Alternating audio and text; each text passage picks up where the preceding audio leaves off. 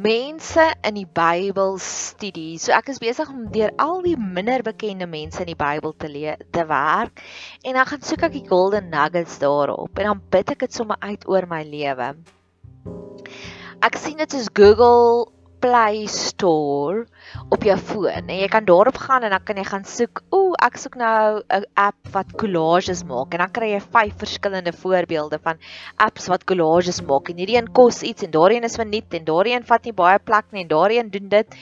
En dis so ek dit voel wanneer jy so intense Bybelstudie doen. Jy's besig om jou eie Google Play Store op te stel en te sê, Here, hierdie is wat met my gebeur het. Hierdie is dieselfde as daardie gelykenis en ek wil graag hê dat dit is wat u beloof wat u gaan doen. En dan dan herinner ons so die Here aan ons sy beloftes. Daar's daar's hierdie opdrag wat gegee word iewers wat hy sê julle wat die Here julle wat die Here herinner aan sy beloftes moenie ophou nie. Julle kom ons gaan Google dit gou-gou wat die Here herinner So dis eintlik 'n opdrag om te sê dit is ons werk, nê? Nee? Ons is verstaan veronderstel om daagliks vir die Here te herinner van sy beloftes om te sê dit is wat hy beloof het en ek sien dit nog nie gebeur nie. So kom asseblief. So, ja. Ek kry julle.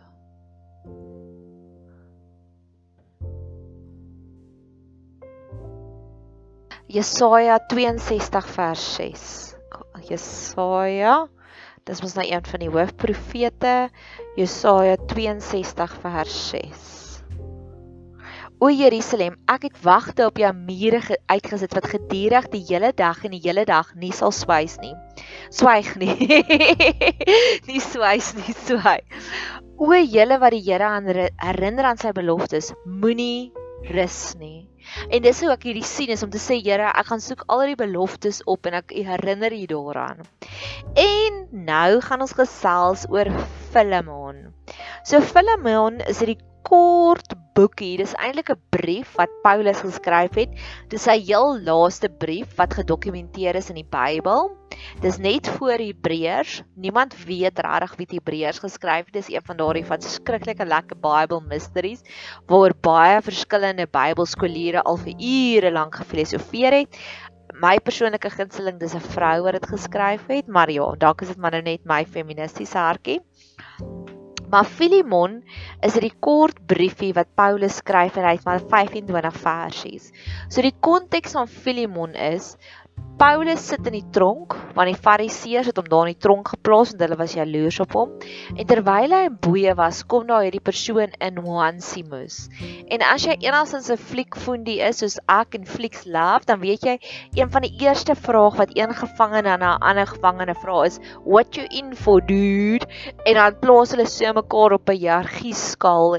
So Paulus vra dan vir vir Onesimus, "What you in for, dude?" En Onesimus sê, mm, ek het 'n bietjie by my baas gesteel en dit het my uitgevang en dit het hy teruggevat en dit het hy vir my houe gegee en nou is ek hier in die tronk. En, en Paulus sê, "O, okay, so wie was jou baas?"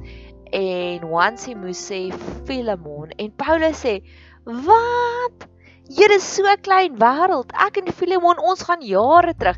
Moenie worry nie, dude. Ek gaan jou nou hiermee help." En hy skryf vir Philemon 'n brief en hy sê Philemon, "Weet jy wat? Jy weet wie ek is. Jy weet ek is 'n man na God. En ek ek en Wansie moes dit so 'n bietjie gechat en Wansie moet is, is regtig vir jammer daaroor. Hy wys berou. So kan ek jou terugbetaal. Ek as Paulus wat in die tronk sit. Ek meen hoe onwaarskynlik is dit? Laat ek jou terugbetaal en dan vat jy weer dan gee jy vir Wansie moes 'n tweede kans. En een van die dinge wat ek love van intense Bybelstudie is die open-endedness, nê? Nee?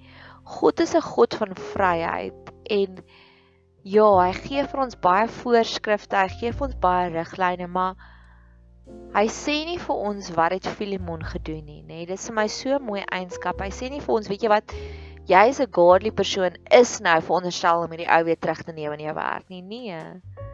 Hy sê nie wat het gebeur nie. Hy gee vir ons daardie vryheid. As ons die Filemon in die situasie is, Daar is nie, dis nie in die bed in die Bybel opgeskryf wat dit Filemon gedoen het. Al wat dit net daar staan is dit gebeur.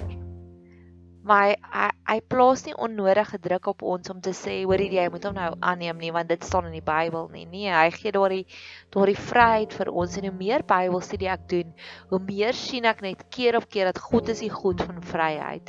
En ek dink ek wil amper ja, 'n hele pot gooi reeks daaroor maak om te sê God is die God van vryheid.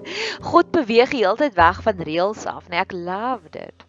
Okay, maar in elk geval, Filemon Hier is die golden nuggets wat ons kan sien, hè. Eerste van alles, mag ons altyd goeie raadgewers hê in ons lewe. Mag God ons so seën want Filemon het hierdie goeie raadgewer gehad, Paulus het gesê het Julle verhouding het nou vertroebel, maar weet jy wat, dis nog nie permanente skade nie. Ek stel voor, ek gee vir jou hierdie raad. En dis iets wat ek keer op keer op keer vir die minister, ek het dit eers net vir president Cyril Ramaphosa in hierdie lockdown gebid, maar nou bid ek dit sommer vir al die ministers ook, is mag hulle werklik waar goeie raadgewers hê. Raadgewers wat nie net op een spesifieke area fokus nie, maar nou kan ek hierdie woord onthou nie. Daar's 'n woord unilateralism. Dit is 'n baie moeilike woord. Maar die woord unilateralism nee, as dit nie. Utilitarianism, dis wat die woord is. Dankie Heilige Gees. Beteken jy die besluite wat jy maak bevoordeel die grootste hoeveelheid mense. Dit bevoordeel nie net 'n klein mens nie. Utilitarianism is a moral theory that advocates actions that promote overall happiness or pleasure and reject, reject actions that cause unhappiness or harm. A utilitarian philosophy, when directed to making social, economic, or political decisions, aims for the betterment of society. So dis nie net een gedeelte wat bevoordeel word nie. Dis almal wat bevoordeel word. En dis werklik vir iets wat ek al intens gebid het. Ek het so ver al gegaan vir ons regering, want die want die Bybel sê ons moet bid vir ons regering, ons moet bid vir ons leiers, is om te sê vir almal wat al sulke goeie raad in my lewe ingegee het en dis 'n holy sacred moment wanneer jy kwesbaar is en jy sê vir iemand ek sukkel hiermee en daai persoon kom in en hulle hulle investeer in jou emosioneel en hulle help jou daarmee. Dit is so 'n holy sacred moment. So ek het soveel vertroue in goeie raadgewers en Dawid self ook het 'n lang reeks van goeie raadgewers gehad. En ek het so intens al gebid om te sê Here gee asseblief vir ons politikuste vir die national command council wat nou besluit wat se volgende stappe vir vir vlak 3 gee asseblief hulle goeie raadgewers. En dis wat ek hierso sien. Selfs in die tronk gee God 'n goeie raadgewer 'n goeie raadgewer is 'n teken van 'n geseënde lewe. So mag ek en jy ook altyd goeie raadgewers kry maar mag ons ook altyd vir die Here bid vir goeie raadgewers vir politikuste vir mense wat besluite maak oor ons lewe En die volgende ding wat ek hierin raak sien is Paulus sê vir Filemon eintlik ek sien die skade wat aan jou gedoen is. Ek sien jy is onregverdig behandel. Once once Moses het nie reg teenoor jou gehandel nie. En daar's dit die klip in Grey's Anatomy waar Meredith Grey wat uit 'n baie moeilike kinderdae uitkom, sien jy die dogtertjie word emosioneel abuse en afgetakel deur haar ma.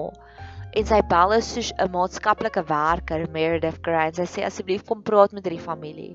En dan sê sy vir die dogtertjie, moenie skrik nie. Ek het jou klaar medisinaal nou genees, maar die volgende stap is emosioneel. So hierdie maatskaplike werker gaan met jou kom gesels.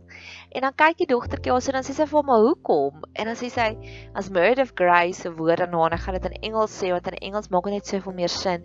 Is sy sê You don't know this yet, but life does not have to be this hard. En dit is my so mooi en ek het dit al profeties as 'n gebed gemaak om te sê Here, ek weet nie waarmee ek sukkel nie. So kom help my asseblief dat ander mense ook my einas raak sien, my plekke se raak sien waar mense ingedoen word waar mense my indoen en mag daar ander advokate opstaan wat namens my veg om te sê hierdie is unfair, hierdie is onregverdig. Want ons sien nie ons besef nie wat is reg of verkeerd nie. 'n Kind wat in 'n mishandelende verhouding is, besef nie dis mishandeling nie. Ek het geluister na Nou kan ek hierdie girl se naam onthou nie. Wat in daai Benoni House of Horrors was. Ons gaan gaan kyk wat is House of of ek dink is die Brakpan House of Horrors. Springs. Het ek geluister na 'n baie mooi potgooi van van die girlkie, nê? Jo, dis selfs nou op Google Maps. Ek kan nou nie onthou wat sy dogtertjie se naam nie. Sy het 'n boek geskryf daaroor. En um en toe sê sy, toe sê, toe vra iemand het sy ek dink dit was 'n RSG radio onderhoud of een van daardie radio onderhoude. Toe vra die persoon vra maar hoekom het julle nie uitgereik nie? Hoekom het julle nie vir mense gesê wat gaan aan nie? Toe sê sy want al daardie mishandeling wat met hulle gebeur het en dit was intens. En die pa het hulle soos geskok met elektriese kabels in die bad, nee, dit was regtig voor intens. Toe sê sy want sy het gedink is normaal. Sy het gedink as jy stout is, dis wat jy verdien en sy het gedink dit is wat jy beteken om stout te wees. En 90% van die kere was hulle nooit eers eintlik stout nie, maar sy het gedink om net vir die pa verkeerd te kyk is soos 'n 'n sonde wat daardie skokterapie moes gekry het, nê. Um so baie kere wanneer jy in die situasie is, besef jy nie dit wat jy kry is is um 'n tipe van 'n mishandeling, nê. Dis wat my so mooi is in hierdie storie, dat Paulus sien die mishandeling raak wat teenoor Filemon gebeur het en hy sê ek wil iets daaromtrent doen.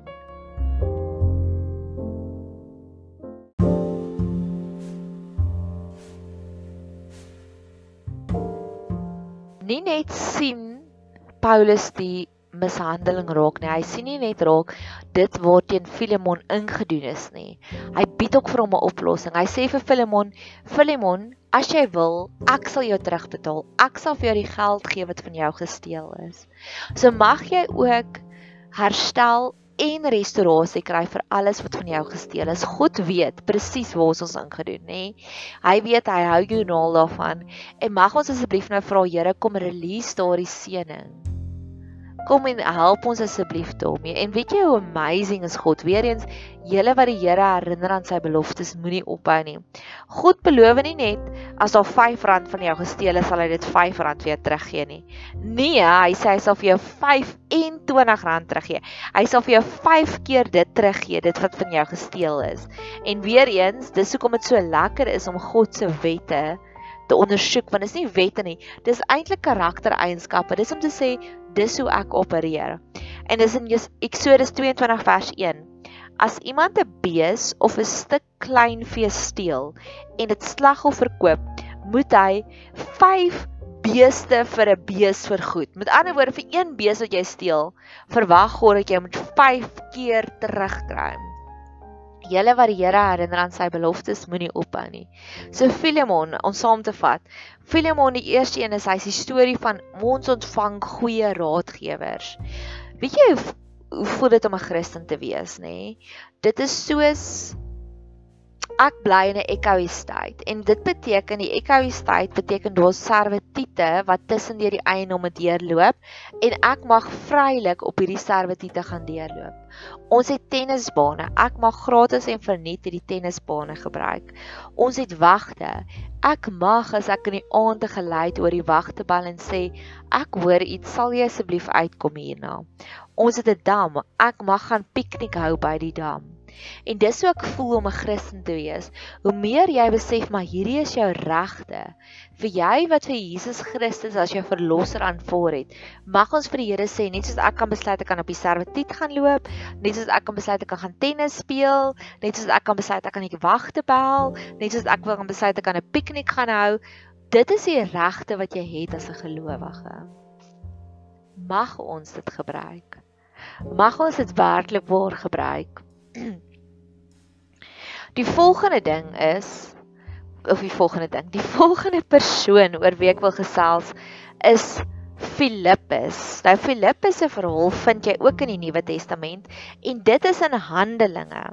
So as jy na Handelinge toe blaai, is daar hierdie lang verhaal van Filippus. Filippus het die Ethiopiër um, gedoop.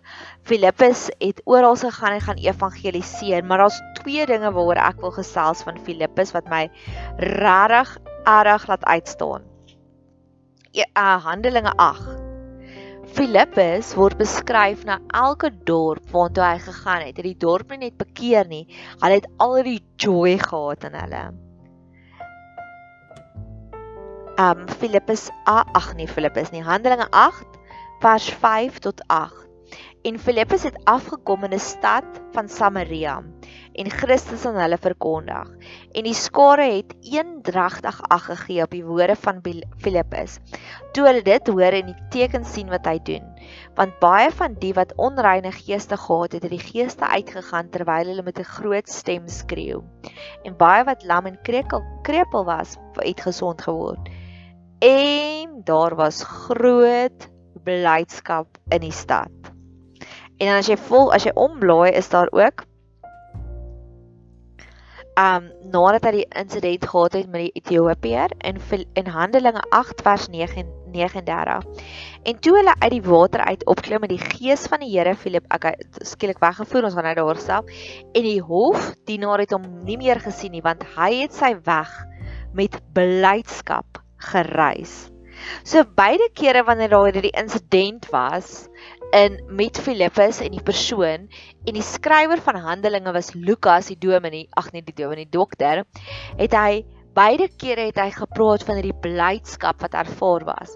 En met enige ander van die persone waaroor geskryf word in Lukas soos Paulus en Petrus, daar daar staan nie eintlik van hierdie blydskap nie. Dis net met Filippus wat dit twee keer, hy twee insidente gehad. Hy het die dorp gehad in Samaria en na die tyd was die hele dorp gevul met blydskap en toe na die Ethiopiër en die Ethiopiër praat hulle ook van blydskap. Filippus was 'n joy bringer en ja Here, ons het meer van daardie blydskapsbringers nodig. Ons het meer van daardie mense nodig wat as jy klaar met hulle gekuier het, voel jy net sommer absoluut happy. Ek glo werklik waar dit blydskap is een van die grootste grootste bestanddele wat ons nodig het om werklik waar 'n suksesvolle, produktiewe, 'n goeie, 'n vol en 'n ryk lewe te hê. As iets vir jou lekker is, gaan jy dit outomaties doen en jy gaan dit goed doen. As jou werk vir jou lekker is, gaan jy nie you're not going to dread a Monday. Jy gaan uitsien na Maandag. Ek bid werklik waar ek dink blydskap is een van die dinge waarvoor ek die meeste bid, dalk meer as vir liefde. Want as dit vir my lekker is om by jou tyd te spandeer, gaan ek meer tyd by jou spandeer en dan gaan daar meer liefde wees. Ek glo regtig waar dit blydskap is die geheime bestanddeel en ek glo ons dien die God van blydskap. So mag ons meer Filippus mense kry wat net as hulle klaar daar was, skryf ander mense, daar was blydskap daarin.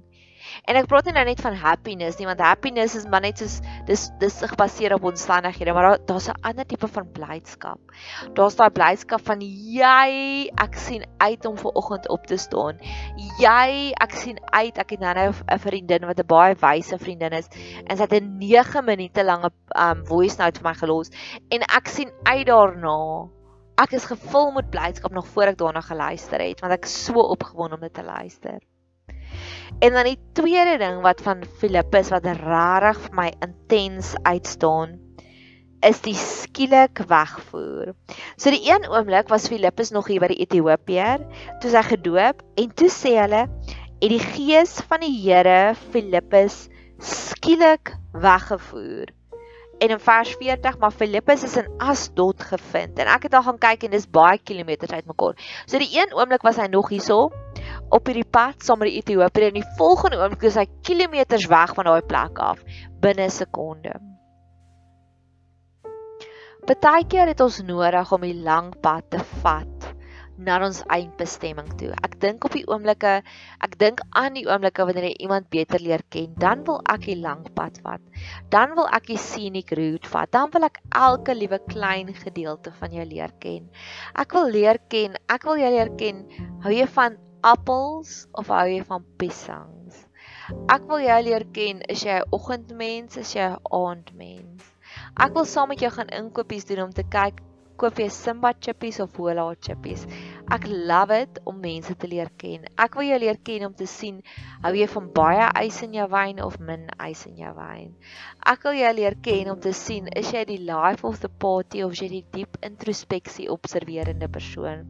So wanneer jy iemand leer ken, wil jy die lang pad vat. Maar in traumas en in stadige en slegte omstandighede wil ek die kort pad hê. Ek wil die pad kry soos wat Filippus dit gekry het. Op die oomblik toe Jesus in die bootjie geklim het net nadat hy die storm stil gemaak het, staan daar ook hulle dadelik aan die ander kant uitgekom. Dit was 'n traumatiese ondervinding en God het hulle dadelik daar laat uitkom. Tans voel dit vir my in hierdie lockdown en hierdie grendelgreep wat aangaan, voel dit vir my dit vat te lank en ek wil sê Here genoeg is nou genoeg. Laat ons asseblief dadelik by die eindbestemming uitkom. Ek het nou lekker geleer maar ek wil graag nou daardie fast forward knoppie aanskakel waar ek waar ons dadelik by die goeie punte uitkom. En ek love die goeie punte en ek sien dit. Ek sien hoe mense begin verander en ek love dit. Maar ek's nou moeg vir die reis. Ek wil die Filippus oomblik kry. Ek wil die oomblik wat ek dadelik daar aan die ander kant uitkom wil ek binnekort vinnig kry so ek glo dis een van die dinge wat ons kan bid van die Here af dat ons vinnig daar aan die ander kant kan uitkom. Hoe voel die lockdown vir jou? Ek moet nogal sê, daar's twee kere wat ek voel, "Je, hierdie ding word nou lank." Ek het 'n elektriese tandeborsel prys, die Here daarvoor is een van my grootste geskenke wat ek al gekry het. En die elektriese tandeborsel hou gewoonlik so 3 weke wat jy moet charge, wat jy moet herlaai. En ek het hom nou al vir die derde siklus geherlaai in die lockdown. Wat ek sou sê, Here, Hoeveel keer nog gaan ek hierdie elektriese tandeborsel herlaai in hierdie tydperk of nog een wat vir my barometer is is my girly tyd. Ek weet my girly tyd is nou weer amper hierso. En dis wat ek ook soos voel soos Here, dis al dit gaan al die derde keer wees. Vir baie kere anders dit hou kort en hierdie hou net so lank aan. En al sprake dat dit net al hoe langer en langer en langer gaan aanhou. Wat ek wil sê, Here, U is die ancient of days wat beteken U is die God van tyd. Ek wil dit ook in U hande kom oorsit en sê kom help en kom genees ons nou. Vat ons dadelik by die eindbestemming. Ons het gepraat oor Filemon. Mense sien jou eina raak. Jy kry die jy jy kry goeie raadgewers en jy kry 5 keer meer terug dit van jou wat van jou gesteel word. En ons het gepraat oor Filippus. Daar was oral happiness. Ek wil gou-gou nog ietsie sê of daar was oral blydskap. Daar's 'n rooi oula trokke, oula wat die wat die wat die roomhuis maak en wanneer dit elke keer moontlik is dan neem ek 'n foto van daai trok. Want op daai trok staan daar choose joy. En ek herinner myself keer op keer op keer om te sê Nadia, choose joy. En ek het nog 'n storie oor blydskap. Een van my vriendinne is 'n man. Hulle maatskappy is ook tans toe.